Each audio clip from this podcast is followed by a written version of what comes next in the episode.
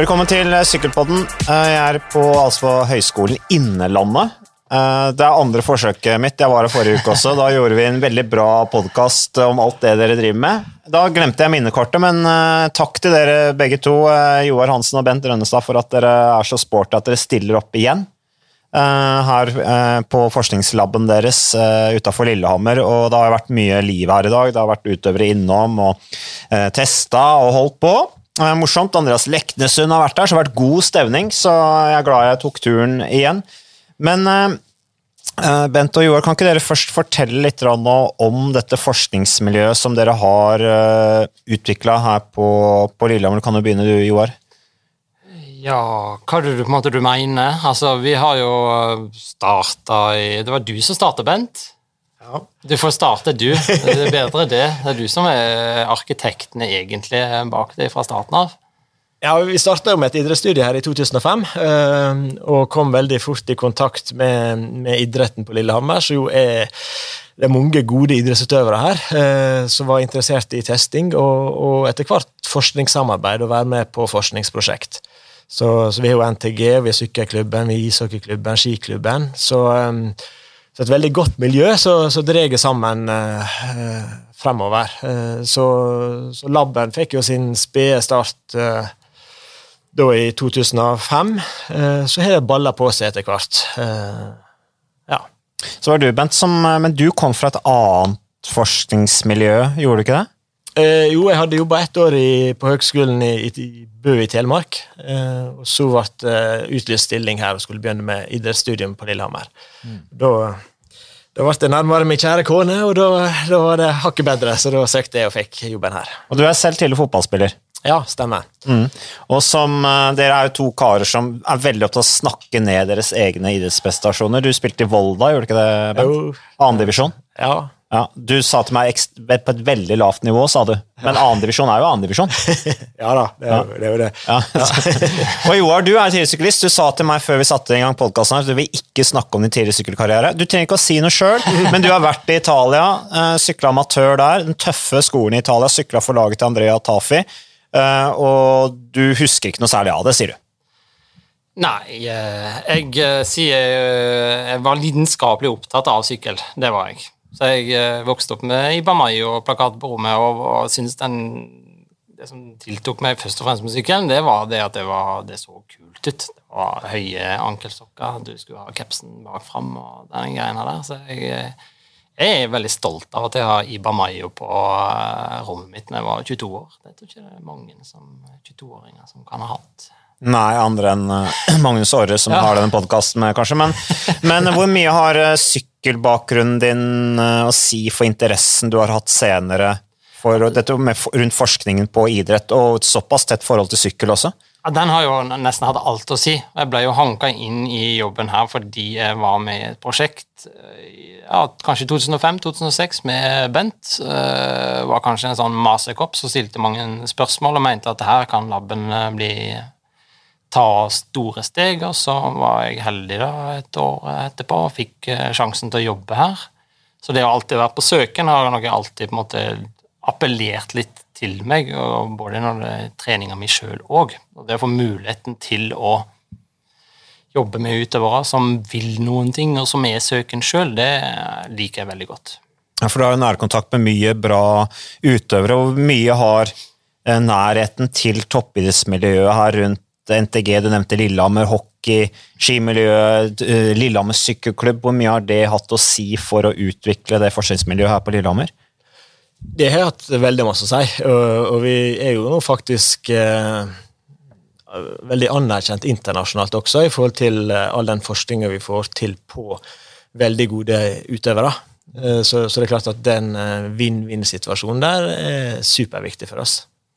Ja, for du nevnte anerkjennelse internasjonalt. Eh, Jim Carrison, som jo har vært eh, trener i, eh, i, i, i, i det som nå er Injos, viktig person i britisk sykkelsport på trenersida, han har jo nevnt at vi driver styrketrening til Lillehammer Way.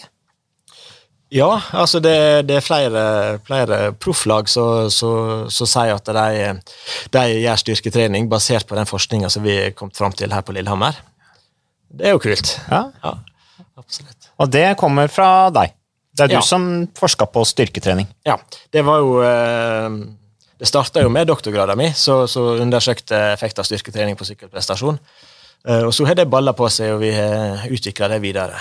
Så, Hvordan er rollefordelingen mellom dere to, Joar og Bent? Joar? Jeg, jeg liker å si at Bent er på toppen, og så er jeg litt sånn eh, på bunnen. Han sa jo med forrige podkast, som vi ikke fikk eh, på tape, her da, men da sa han vi var likestilt.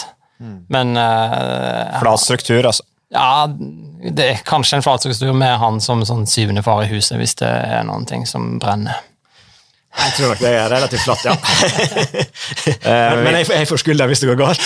Det virker som dere har det moro her, da, men uh, med den tett kontakten med topputøvere osv. Men grunnen til at jeg reiste hit til Lillehammer, da, eh, burde jo egentlig ha vært der for lenge siden. Jeg har lest om dere i Dagens Næringsliv, blant annet, med, med Reidar Borgersen, var det vel, som var her, og, og det var en ganske stor artikkel i, i DN om, eh, om hvordan dere han, da dere testa ut på en måte, hva var det, arbeidsøkonomien hans eh, et, på slutten av nøkkelen hvor han var sliten, var det ikke et eller annet sånt? Jo. Eh, Det stemmer, det. Og, og det, det var jo, jo, den tanken der stammer jo egentlig fra den, den doktorgraden på styrketrening, der vi så faktisk at effektene av styrketrening på sykkelprestasjon var tydeligst i trøtt tilstand. Eh, og det fikk oss jo inn på, på tanken at ok, kanskje er ikke det tilstrekkelig å teste utøvere på den vanlige måten. altså De kommer og kjører en laktatprofil, en maks O2-test, og er relativt friske og, og raske i beina. Eh, men at vi faktisk bør trøtte dem litt ut. Eh, og det er jo ofte i litt mer trøtt tilstand de avgjørende øyeblikkene i et sykkelløp, og for så vidt skiløp og, og sånne ting, skjer. Eh, og da, tester vi annet Reidar, da, så, så viste det seg å, å tåle det her veldig bra. Eh, og det å jobbe over lang tid, og så, og så prestere til slutt. Og det er jo eh, Og det er jo kanskje også så her eh, er jo blitt sagt at blant annet Edvald Boasson Hagen, da, at hans spurtvatt i seg sjøl, i, i frisk tilstand, ikke er ekstremverdi, men, men det som er ekstremt, er jo kanskje at han klarer å gjenskape akkurat samme verdiene etter fem timers sykling. mm. Altså, det å så klare det Og det samme sannsynligvis med, med Alexander Kristoff også. Så, så det å så klare å, å, å prestere veldig høy watt i trøtt tilstand, det er jo en egenskap så, så eh, Ikke så lett å avdekke, da, kan du si, hvis ikke han er klar over det i, i testsituasjonen. Og Det var det vi så med Reidar, at han, han presterte bra i, i trøtt tilstand. Mm, spennende. Det har vi jo utvikla videre. Vi følger jo sykkellandslagene og har den protokollen på to timer der vi følger dem gjennom sesongene og gjennom år for å se på utvikling. Og det er jo noe, men det er jo, jeg skjønner at det er jo slitsomt for de, for det er jo to timer. Du, når du er på to timer, så blir du bedt om å gå fem eller 15 minutter all out. Men det er jo veldig mye interessante tall som kommer ut fra det. For en syklist er jo ikke det en big deal, egentlig? Er det det? Ja, men Det er to timer på en ergometersykkel. Du skal sitte og se på meg og Bente og, tørrprate. Så det er, jo, det er jo slitsomt mentalt. Det er jo ikke mye stimuli du får. Det er det ikke. Det er ikke så gøy å være sammen med dere, sier du. Men, eh, Ja, det kan være. jo, men eh, altså, tilbake til hvorfor jeg reiste dit. Det er jo dette her med varmetrening. Altså varmeøkter, varmemanipulering. Hva, hva kaller dere det egentlig? Ja, varmetrening. Ja. Altså, ja. Mm. Varmetrening, manipulering høres, høres kanskje litt skummelt ut. Ja, det. ja passer oss litt for det. Men uh, vi hadde jo uh, Først hadde jeg en podkast med Gabriel Rask, hvor han opplagt er interessert i det. Uh, og de bruker veldig mye høydetrening i, i uh, Injos, og, og de er jo opptatt selvfølgelig av å ha blodverdiene oppe uten å måtte jukse, som det har vært mye av i, i internasjonal uh, utholdenhetsidrett. Eh, og så hadde jeg denne podkasten med Torstein Træn som liksom, jeg tenkte jeg, jeg må dra til Lillehammer og ta en prat med de. Og han er veldig opptatt av det samarbeidet han har hatt med, med dere, Bent og Joar. Ja. Uh, særlig i forbindelse med det som fikk mye oppmerksomhet, da. Toro tror Colombia, eller Colombia rundt. Hvor han fikk en oppsiktsvekkende bra topp ti-plassering. Han ble nummer ni der. Torstein ble fem på en av de hardeste etappene. Uh, og ja, de akklimatiserte seg, og det var en helhet der også. Men uh, varmetreninga var liksom det som ble trukket fram da, som viktig. Um, hva, det, hva har, hva, hvor langt har dere kommet den forskninga med, med varmetrening? Men, men, før du tar den, så er det jo det Vi, vi, vi tar jo ikke æren for Torstein Treen sin eh, Colombia. Det, det, det, det, gjør vi jo ikke. Var, det kan være en liten del av det i bildet. Men jeg vet ikke om det, det kan jo være noen andre ting som er utslagsgivende òg. Men det er jo hyggelig av han å si det, da. Det, det er det jo. Det må... jeg, jeg, tror Torstein også er enig med deg i det at det var en del av helheten. Ja, ja, Men det er noe, i hvert fall, dere har jo hatt mye kontakt med enkelte utøvere, ja, annet en del syklister, rundt dette her. Og det vi også ser nå i UnoX, annet, er jo at det er stadig flere ryttere som bruker det. Uh, var det Jonas Iver, Iversby jeg så satt på denne temposamlinga de hadde forrige uke eller uka før, uh, hvor han da avslutta økta med å sitte med sant, den, denne jakka med en hette over hodet i solsteiken uh, på en rulle. Det ser jo helt absurd ut. Men det er jo, vi skjønner jo hvorfor. Det er jo pga. den forskninga som er gjort her rundt, rundt, blodverdier og effekten den varmen har. Ja, og jeg tror de føler at det er en effekt, fordi at selv om prosjektet var over, så ville jo de fortsette med varmetrening. Men Fortell litt om prosjektet. da. Hvordan, hvordan starta den ideen med, med varmetrening? Uh, det vi Bakgrunnen for prosjektet var jo at, at det er gjort en haug med studier på varmeakklimatisering. Så rundt de ti 10-12 dagers varighet, der jeg ser at, eh, at varmetrening øker plasmavolumet. Eh, og konsekvensen av økt plasmavolum er jo en fortynning av de røde blodcellene. Eh, sånn at da så, så, har vi en teori at, at, at nyrene krittmeter, har en slags krittmeterfunksjon som måler hematokritten. Og, og, når den da blir redusert som en konsekvens av økt plasmavolum, så, så, så starter da kroppen å produsere flere eh, EPO. Så ja. da, etter hvert, eh, da gir flere røde blodceller og mer hemoglobinmasse. Så det var det som var, var tanken og hypotesen når vi starta med den varmetreninga. Så, eh, så naturlig EPO produseres via nyrene? Mm. Ja, eh, via, via, ryggmargen, da. Uh, mm. så, eller sånn at det, at det, blir produsert flere røde blodceller. Så, så det er ja, en naturlig nat kroppens egen stimuli da, for å få flere røde blodceller. Så det starta på en måte med akklimatisering til varme forhold, forstår jeg det rett da? eller? Ja, uh, altså, det var ikke vi som gjorde, men, men det var masse forskningslitteratur på det. Så, så, basert på den, de funnene der, da, så så antok vi, og, og, og kollega Karsten Lundby eh, er også vår primus motor i å utarbeide denne hypotesen. Så, eh, og så, vet vi jo at det tar tid å få flere røde blodceller. Eh, som oftest tre-fire uker på de høydestudiene som viser økt hemoglobinmasse. Eh, dog er ikke det alle studier som viser økt hemoglobinmasse etter høydetrening. Så derfor så, så tok vi ei uke ekstra, da, så fem uker for å øke sannsynligheten for å finne noe. Ja, og For de som ikke helt skjønner dette med røde blodlegemer og, og dette med naturlig EPO og de tingene der, så er det jo altså jo mer røde blodlegemer du har i kroppen, jo bedre blodvolum, for å si det litt enkelt. da. Eh, jo mer oksygen transporteres rundt i muskulaturen, og jo lenger opp i bakken kommer du før du blir stiv, for å si det litt enkelt. da. Ja. ja det øker kapasiteten din, ja, enkelt og greit. Ja. Så, eh, men Uh, I tillegg til Altså, jeg, vi, har, vi, har, vi, brukte jo varmeakklimatisering, vi også, som utøvere. Jeg husker mm. før OL i Aten, så var liksom Vi visste det kom til å bli ekstremt varmt i Aten, så da måtte vi på en måte være sy på sydligere strøk, velge en treningsleir hvor, det, vi trodde det kunne bli ganske varmt, og liksom trene på å håndtere. Men det var mer den mentale delen av det å tåle varme. Det var ikke fordi at vi vi, vi, vi, hadde jo ikke peiling på at det kunne ha en sånn ekstra effekt at det faktisk stimulerte eh, blodvolumet ditt. Eh, og jeg husker jo også dette her med når vi konkurrerte i ekstreme forhold eh, i Tour Down Under i Australia, 40 varmegrader hver dag, Spania rundt eh, i august-september, 40 varmegrader nede i syd der, ikke sant. Mm. Eh, da var det mer dette her med Min holdning var liksom at du må kjøre mye ekstrem varme for å, for å mentalt takle det. da. Pust, ikke sant. Ikke få angst og hyperventilere. Det gikk på mer sånn tekniske ting. da. Eh, og dette er at liksom, ja, du må holde litt igjen når du er i ekstrem varme, fordi at pulsen Du kjører mer i rød sone i varmen, så du du, du, du går rettere, lettere på en smell, da, rett og slett, i varme, da, i forhold til dette med eh, mat og drikke og de tinga der. Men så, så som, som, jeg har sagt til dere også før, at liksom, når jeg kommer hjem fra disse rittene, fra Tour Down Under, så er man i kanonform. Mm. Uh, et av de beste rittene, eller den beste perioden jeg har hatt, det var etter Tour Down Under i 2006, sånn rent formmessig. Uh, ennå det var jo egentlig helt på, på trynet, fordi det var seks dager etter å ha kommet hjem fra Tour Down Under med lang reise, snur døgnet på hodet og, så, og sovet dårlig og sånne ting. Men allikevel så er man i kjempeform. Det må jo sannsynligvis ha vært den effekten, så det er bra å trene i ekstrem varme, da.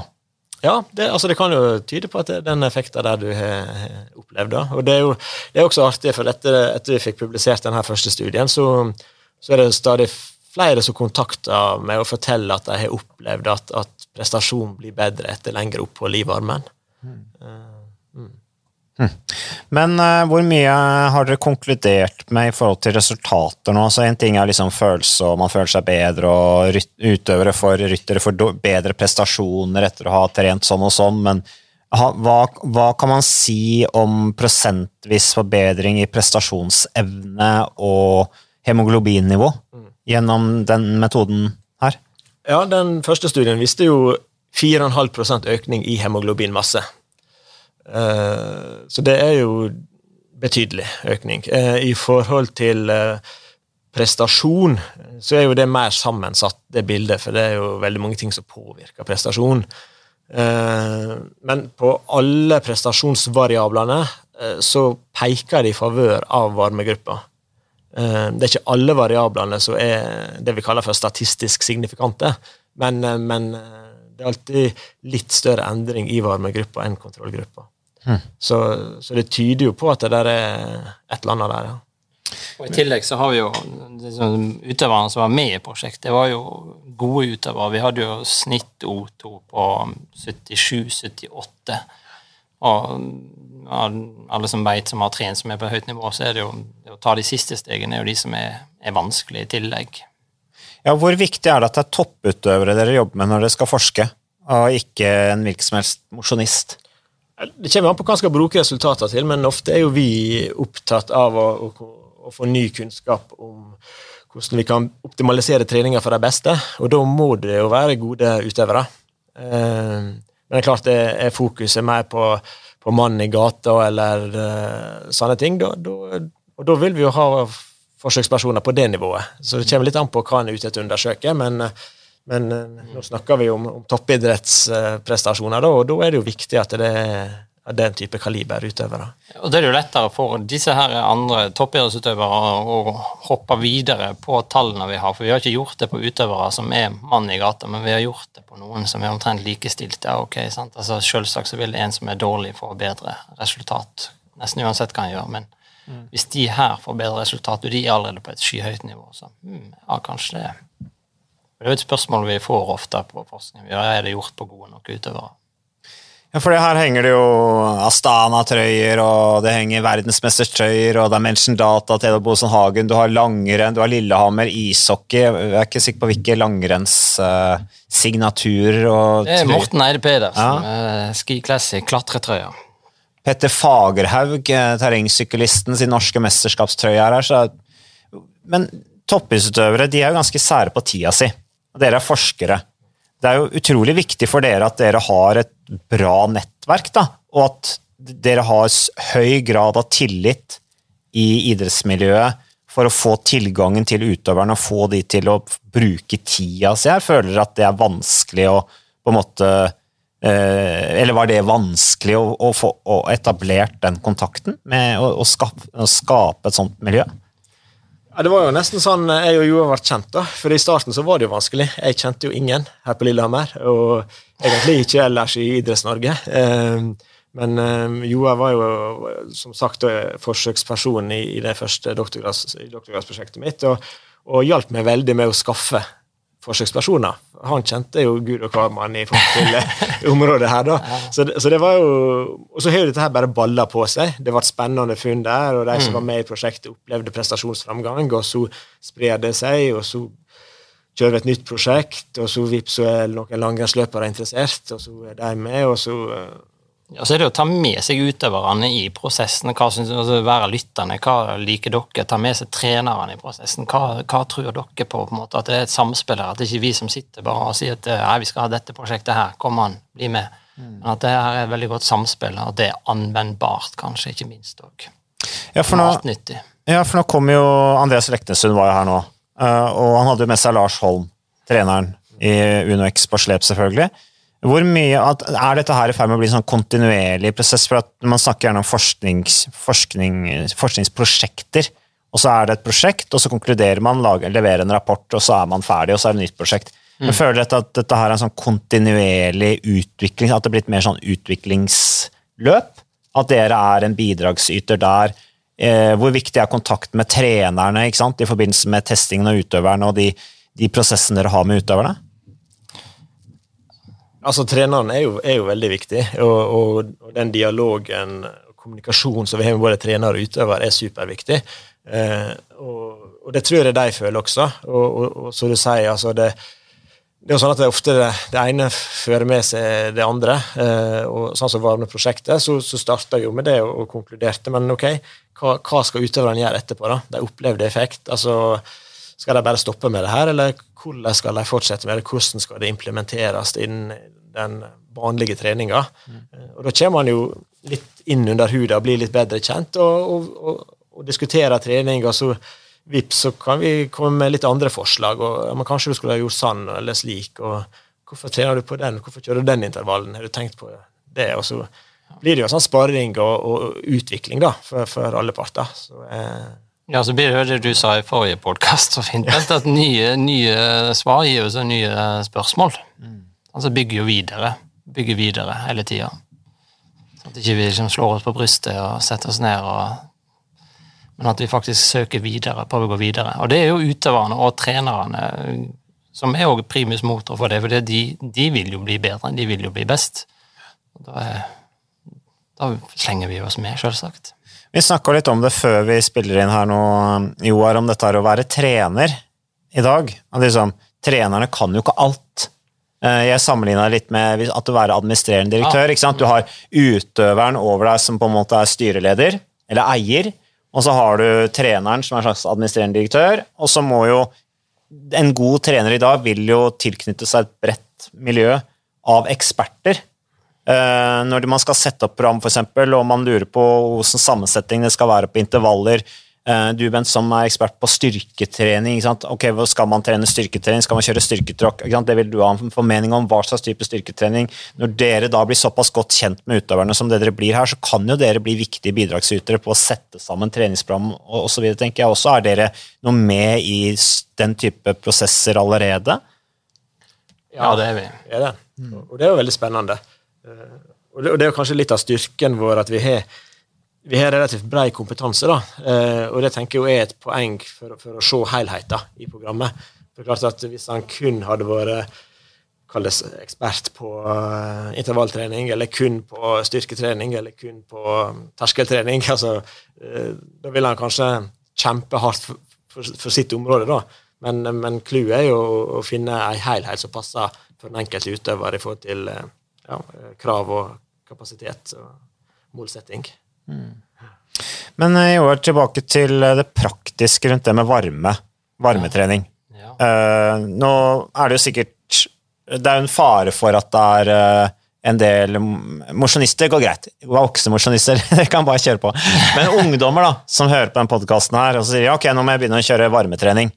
Hvilke forutsetninger er viktig eh, at skal være til stede for å kunne drive med den type trening? Hvem er det du anbefaler den type trening for?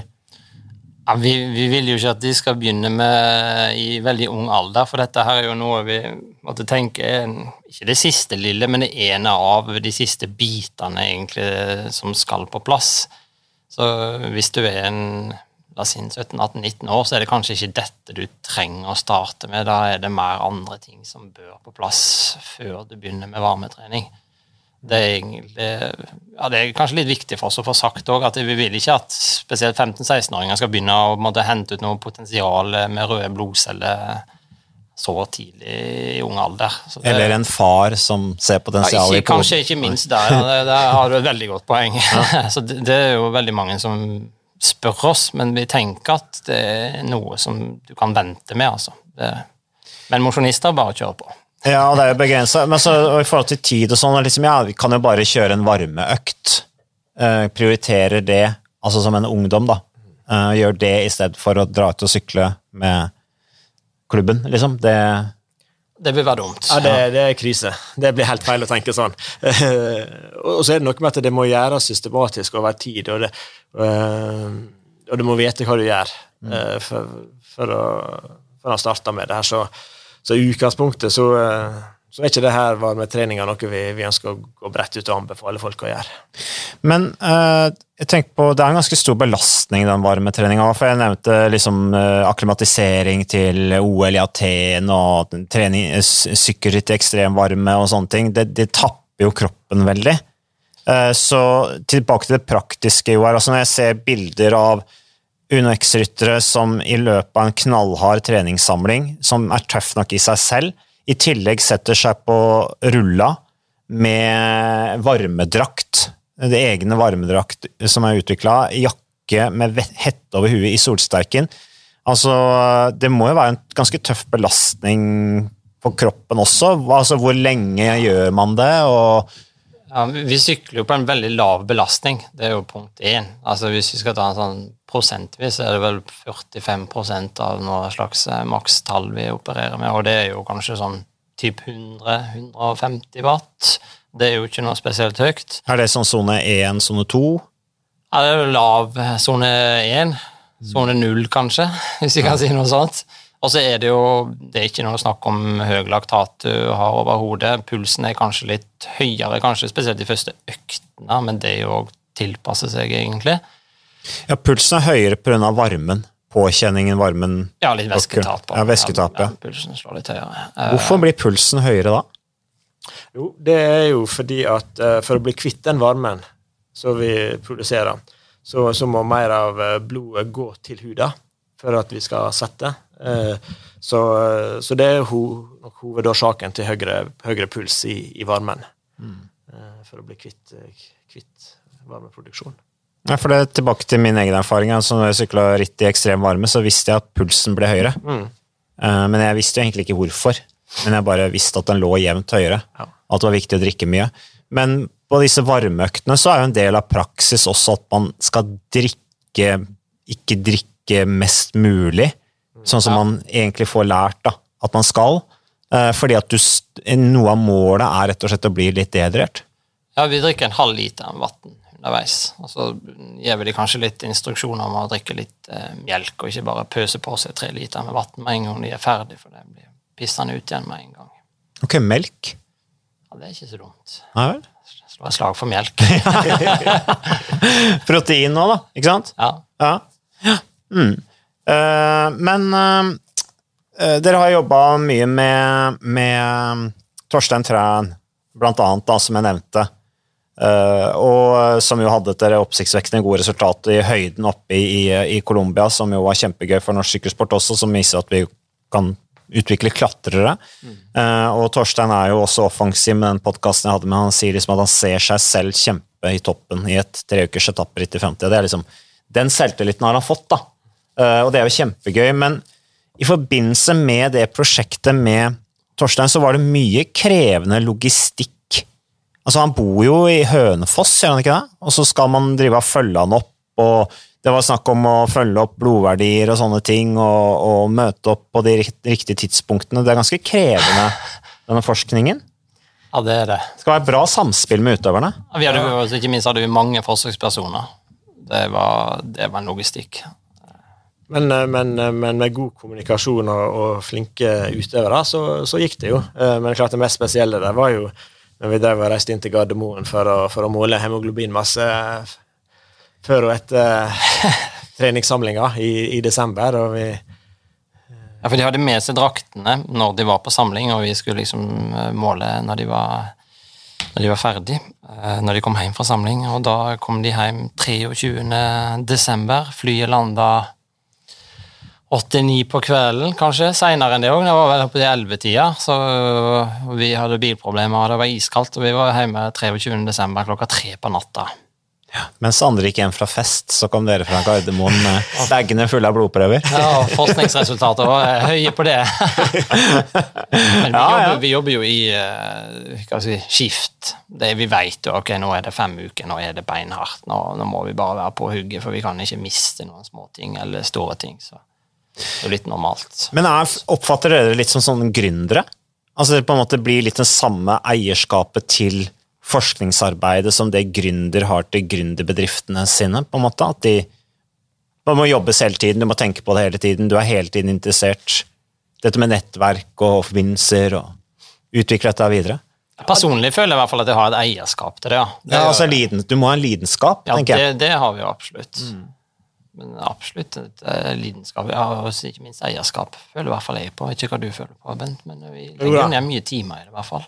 Ja, men jeg tenker han må nesten ha det. Hvis ikke, så, så For det er alltid så mye uforutsett som oppstår. Altså Det eneste du er sikker på, er at det ikke går som planlagt. Og da, og da må du være engasjert for å orke å finne løsninger på, på alt som Ja da, vi har jo 50 forsøkspersoner ofte med, og vi alle, En skal mate hesten, og en skal i barnehagen, og en skal nå flyet, og vi skal huske på alt, så det er på en måte mye, mye ting å ta med seg.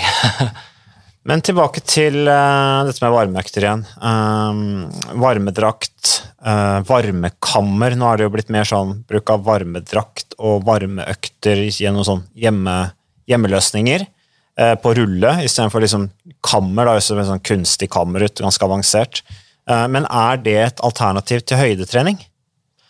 Ja, vi så jo vi så jo at, eh, at vi fikk eh, 4,5% økning i hemoglobinmasse, og det er jo kanskje hakket høyere enn hva, hva mange studie, høydetreningsstudier finner. Så, så det er absolutt et, eh, et ser ut til å være et godt alternativ til, til høydesamling, eh, med tanke på endringene i hemoglobinmasse.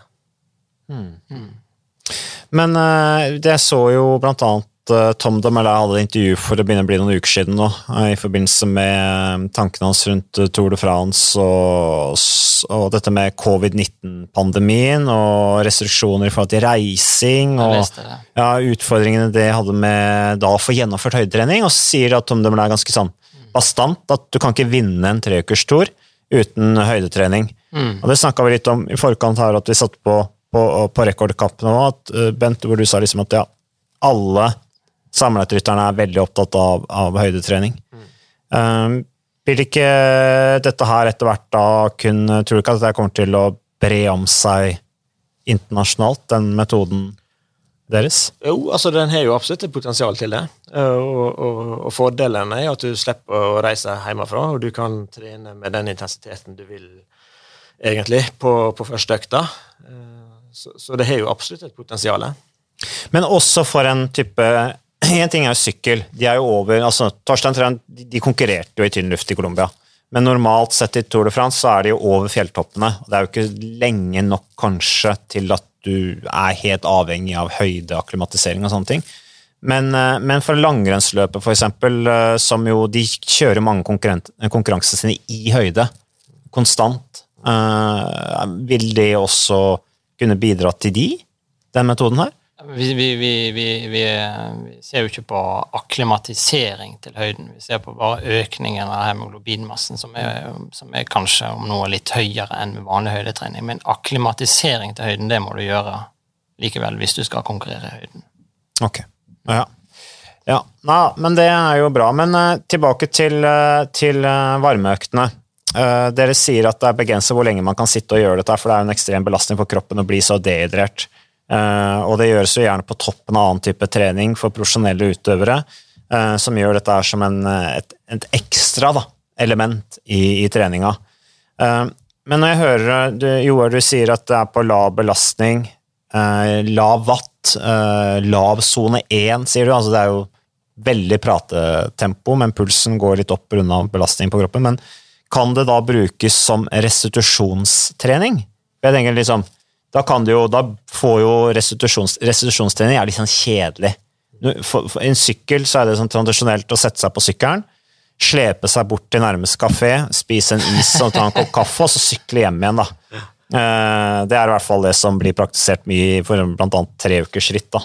Eh, men nå skal man jo da få en tilleggsgevinst av den der eh, mye mer effekt av restitusjonstreninga, tenker jeg da at du liksom kjører på rulle, kjører med varmedrakt.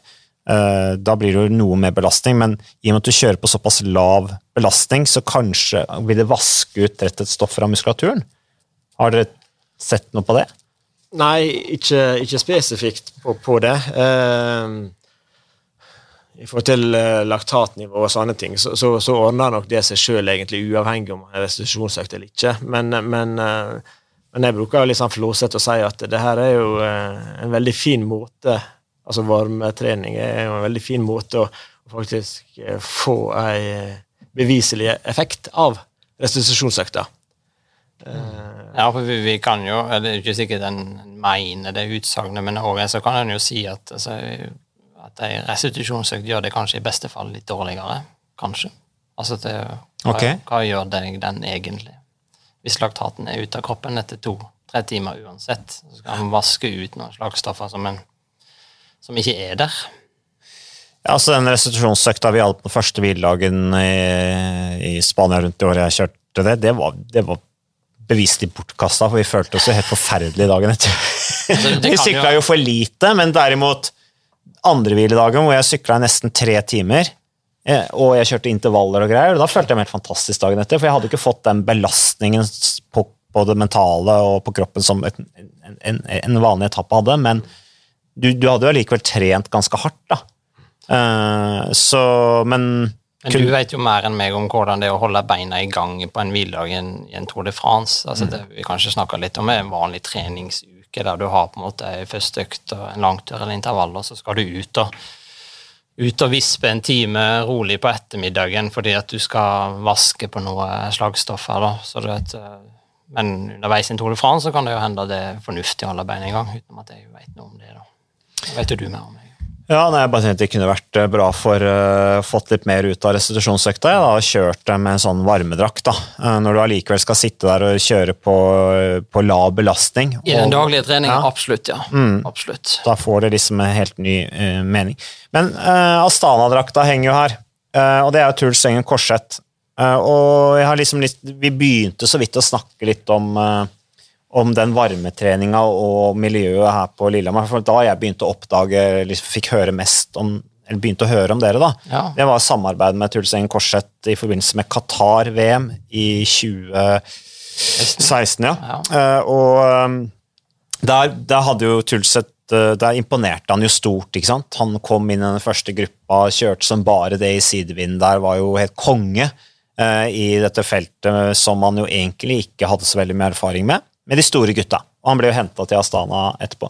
Han har dere jobba mye med, eh, men, det, men den, den, den, det arbeidet dere gjorde med Truls, var det utgangspunktet akklimatiseringsarbeid, eller var det for at dere trodde han ville få bedre fysikk, eller altså påvirke blodvolumet hans? Det, det, var jo akklimatisering som var hovedtanken der. Eh, men det er klart nå i etterkant, når vi, når vi vi ser disse resultatene som vi sitter på nå, så, så, så, kan det jo tenkes at det også var effekter på, på blodet, for han, han, gjorde ordentlig, skikkelig bra klimatisering og gjorde virkelig godt arbeid der, altså. Eh, Truls er jo en fantastisk kar å På alle måter, å, å bli kjent med. Ja, ja, ja. ja så ja, han har jo sagt etterpå det er jo en kjempeopplevelse av han. Jeg vet ikke om han har sagt det men når du når du bånder utvekslingen på flaten og dytter på bunnen og, og sagaen på rumpa for du skal inn på rulla der, så er jo det en opplevelse du har med deg resten av livet. Mm. Og det er klart da, Hvis du da har sittet i badstua og gnudd i fire timer og svetta, så ja, du, Det kommer jo litt i, i, bakkant. Det er jo den opplevelsen at du fikk noe ut av det der, faktisk. Dere har jo jobba mye med Truls. Ja. Også, altså, han kjørte jo kjempebra i Pariro B også, Truls. Uh, han fullførte, han har kjørt det to ganger som førsteårsproff og da andre året hans som proff. Jeg tror han ble 32 Ja, han ble 92 i 2017, altså første året han var proff. Og så ble han nummer 33 i 2018. Han kom inn da plassen foran Edvard Baasen Hagen, de var 7,40 bak. Det var fire nordmenn det året faktisk blant de 34 beste, med Amund Grønne Alliansen, som var 16. mann da, i Paris Rubé det året. Uh, og det, det, er liksom sånn I utgangspunktet sier ikke det i all verden, men jeg tenker at en, en ung rytter som Truls Første året du er proff, kommer inn i Paris-Roubais, fullfører det. Andre året du er med, fullfører igjen med stil. Han var på en måte, hadde noe på gang der. Men han, han har jobba med dere også i forbindelse med å forberede seg til Paris-Roubais. Ja. Uh, fortell litt om det arbeidet der. Ja, det ja, det, det, var jo for å forberede seg til de ulike brosteinspartiene. Eh, så, så hadde vi målt eh, ja, estimert hvor lang tid han bruker på hvert, uh, hver parti, og, og, avstand mellom dem. Så, så, da var han ute og sykla på på piggdekka sine, på det var vinterstid. Eh, Starta i desember allerede, faktisk, og sykla i fire timer ute. Ganske sånn gamping, sånn semihardt. Uh, og så gikk vi, kom han inn i laben, og så simulerte vi det. og det, jeg tror det var 16 siste paveene, så det, så de kaller det. Han var ferdig med transportetappen, da. Ja, og da begynte alvoret. Og ja. da var det å simulere, legge seg opp på litt over 400, 440 watt for å simulere kamp, posisjonskampen inn mot uh, brosteinspartiene, og så ligge, slippe seg litt ned og ligge på ja, høyt på 300-tallet i watt gjennom, og da skrudde vi på denne vibrasjonsplattformen som vi hadde montert sykkelen hans på. Ja, Så han slapp opp wattbelastninga når han kom inn på brosteinen? Ja, det er... Eller når dere simulerte brostein? Ja. ja. Så den tøffeste belastninga er posisjonskampen, ja. og så, og så slipper det litt opp, ja. ja. Men likevel relativt hardt. Mm. uh, og så, så, litt mer roligere da når vi da var inne på det som vi da leika var uh, mer vanlig vei partiene imellom. Ja, for jeg har vært og sett på den maskinen dere har der, hvor det er dere har satt en rulle oppå en slags apparat som dere har fått fra Hva slags apparat er det? Det er risteapparatet? Det er en sånn motor som er en gammel gruvemotor. Ikke en gammel gruvemotor, men det er vel eh, det de bruker når gruve. ja, altså det, det, er en vibrasjonsplattform ja. som, vi, vi, har fått tak i fra, fra USA. Så, så har en eh, helt riktig, så gjør seg en, en gruve, gruvemotor som går og slår, slår den plata opp, så den vibrerer. da. Så da satt Truls på den da, ja. og rista? Ja. Men så gjorde dere i tillegg noen undersøkelser på belastningen ned i pedalene, watt, eller wattbelastningen òg, gjorde dere ikke det? Ja, eller det vi, det vi har brukt, uh, brukt, den til, er at vi har, vi har, sett at når du sykler med vibrasjon, så får du økt muskelaktivering. Og på den måten uh, økt oksygenopptak akutt.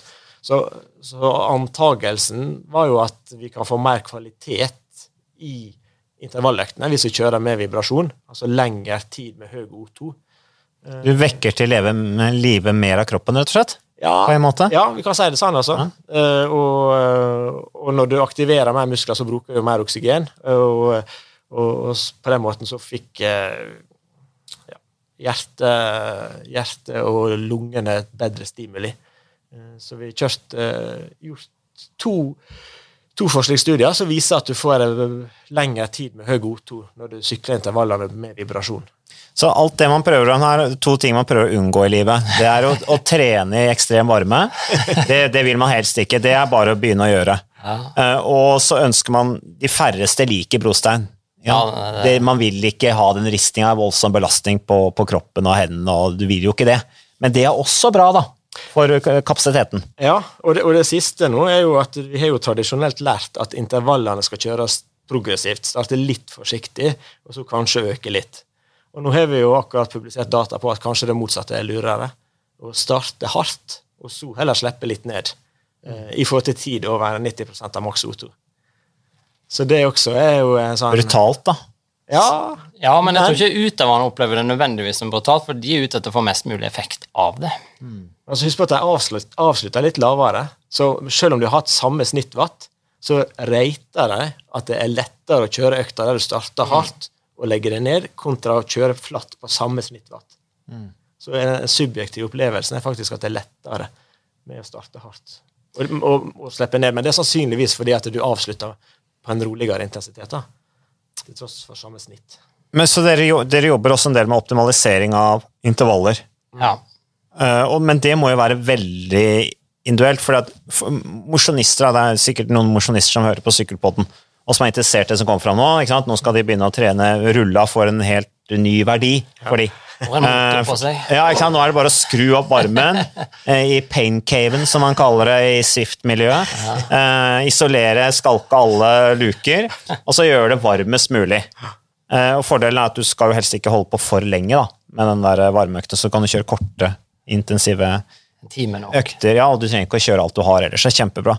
Eh, men, eh, eh, men dette med optimalisering av intervaller eh, Det er jo ikke sånn at, altså, Som jeg var inne på dette med mosjonister, at de vil jo gjerne ha Jeg får en del spørsmål fra mosjonister sjøl. Liksom, ja, kan du sette opp et program for meg?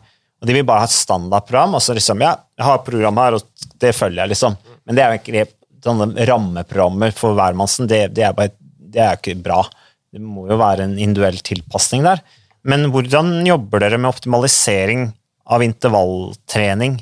For det, det, det forsker litt på, gjør det ikke det? Jo, ja. Altså, vi, vi har jo først og fremst utdannet det første vi gjør, er at vi har en profil og en VO2 max for å se på en måte litt eh, nivået. Og så tenker en seg kanskje, hvis en skal trene en intervall, at det er smart å ligge over 90% av VO2 max. Eh, så er det bare om å gjøre å prøve ulike design av intervaller, sånn at du har lengst mulig tid over da den berømmelige 90% av VO2 max.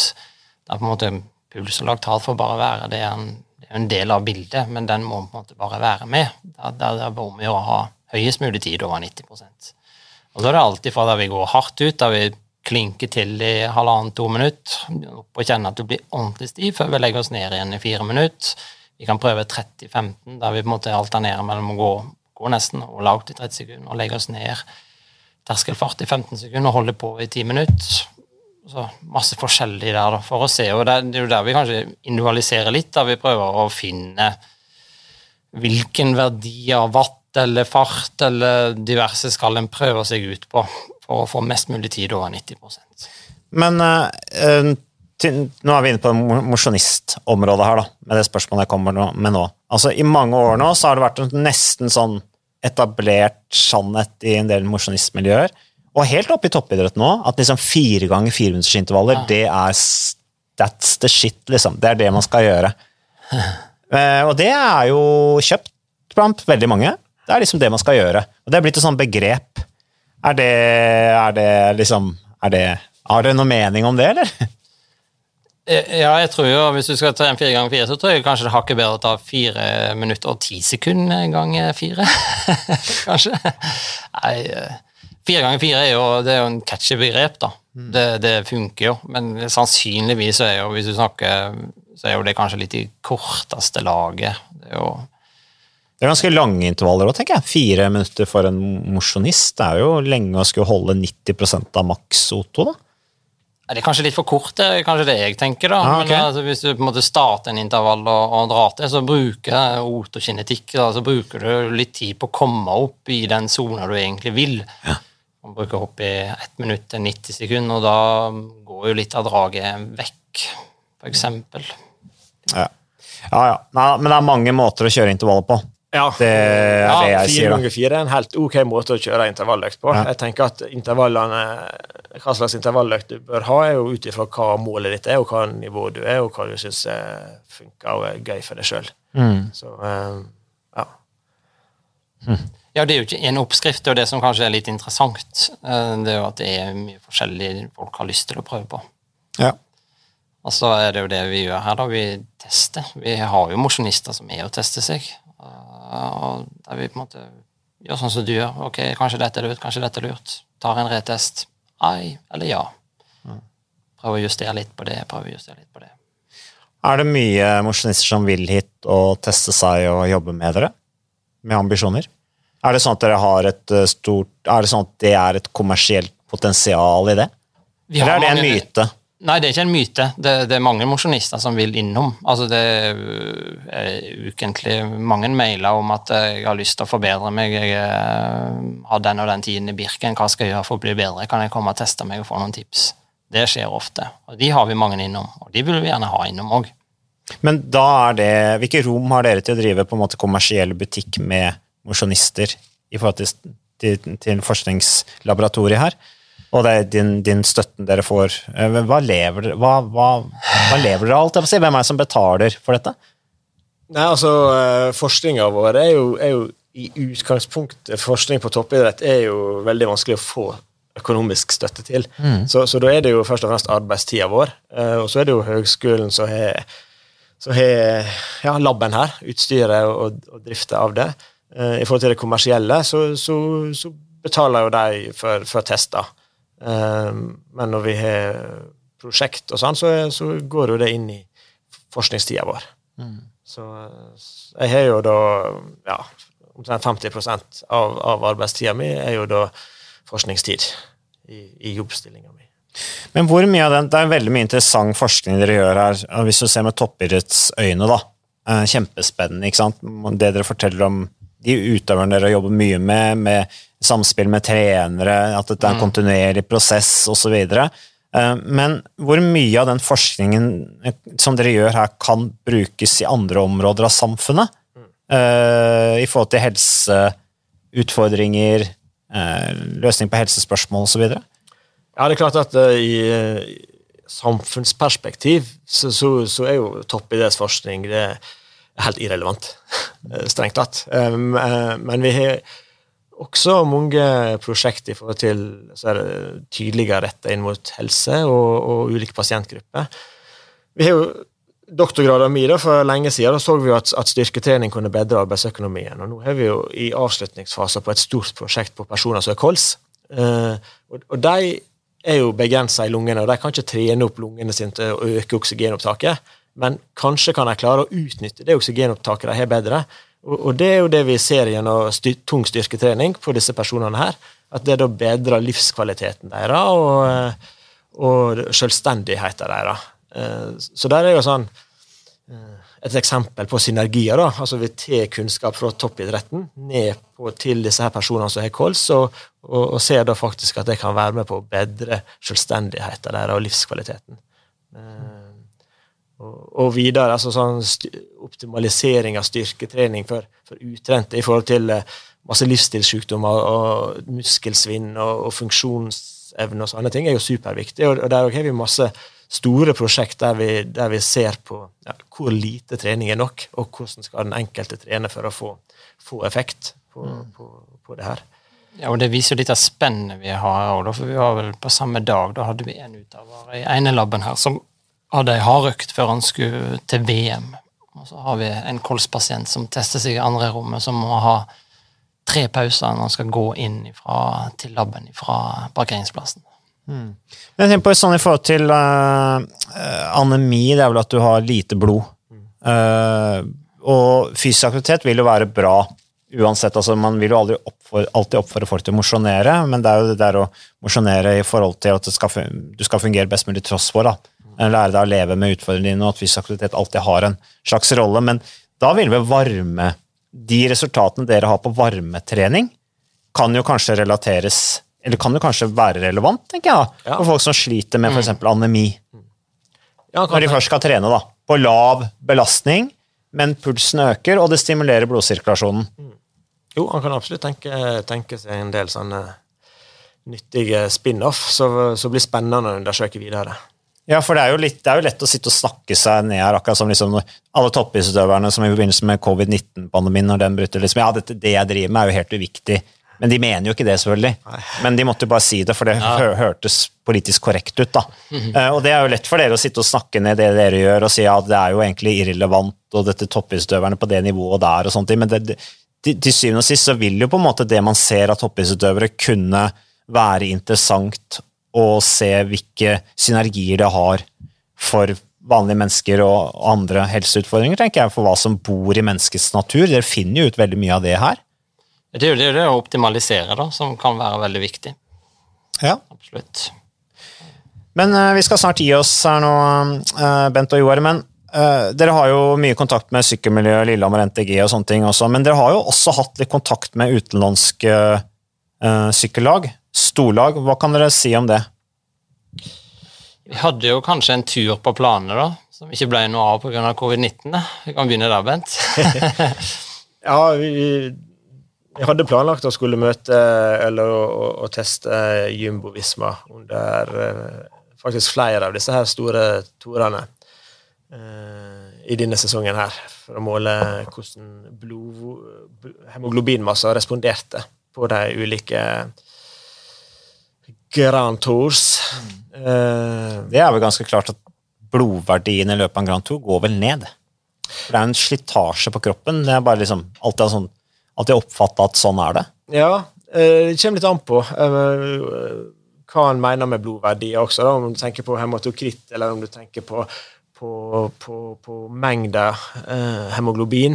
Um, men det var jo litt i forbindelse med det der at eventuelle effekter av varme, da. Og at det uh, sannsynligvis er hakket varmere i Tour de France enn i giroen. Mm. Og er det forskjeller på hvordan rytterne opplever de to, to turene, f.eks.? Så hadde vi også planer om et, et, et høydeprosjekt i Sierra Nevada med, med noen profilerte både syklister og triatleter. Mm. Så heller ikke vært noe av. Men uh, vi prøver oss Flybillettene er bestilt. prøver, prøver oss på nytt uh, senhøsten, så får vi se. Men hvordan er det Jumbo Visma kommer i kontakt med dere, da? Er det gjennom Amund Alliansen, for eksempel, eller? Uh, hvordan vet ja. de om dere? Det var egentlig før den tid, når det het Belkin og Lars Petter Nordhaug.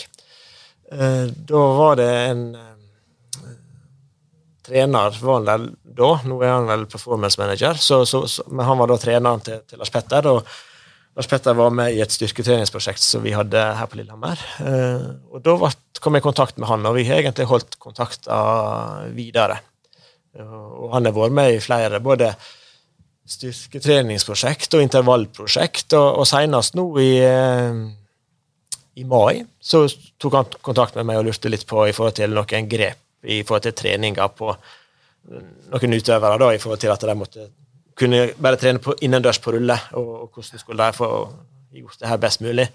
Så ja. det har vært gjennomført mye varmeøkter nå under pandemien. Ja.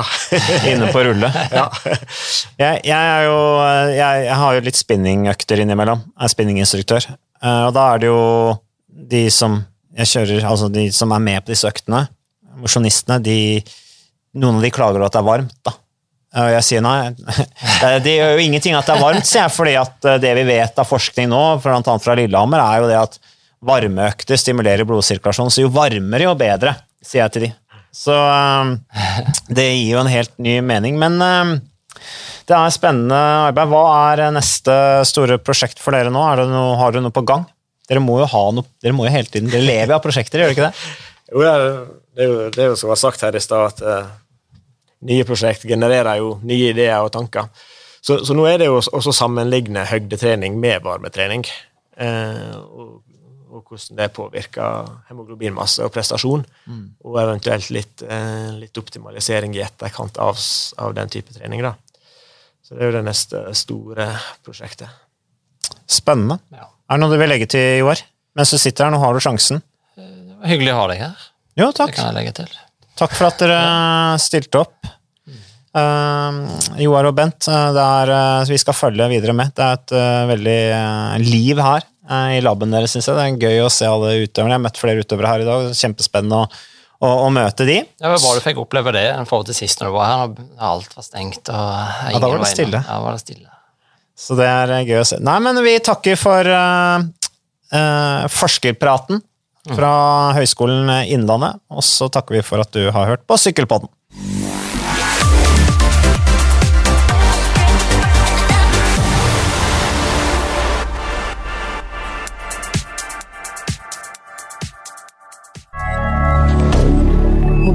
D'accord.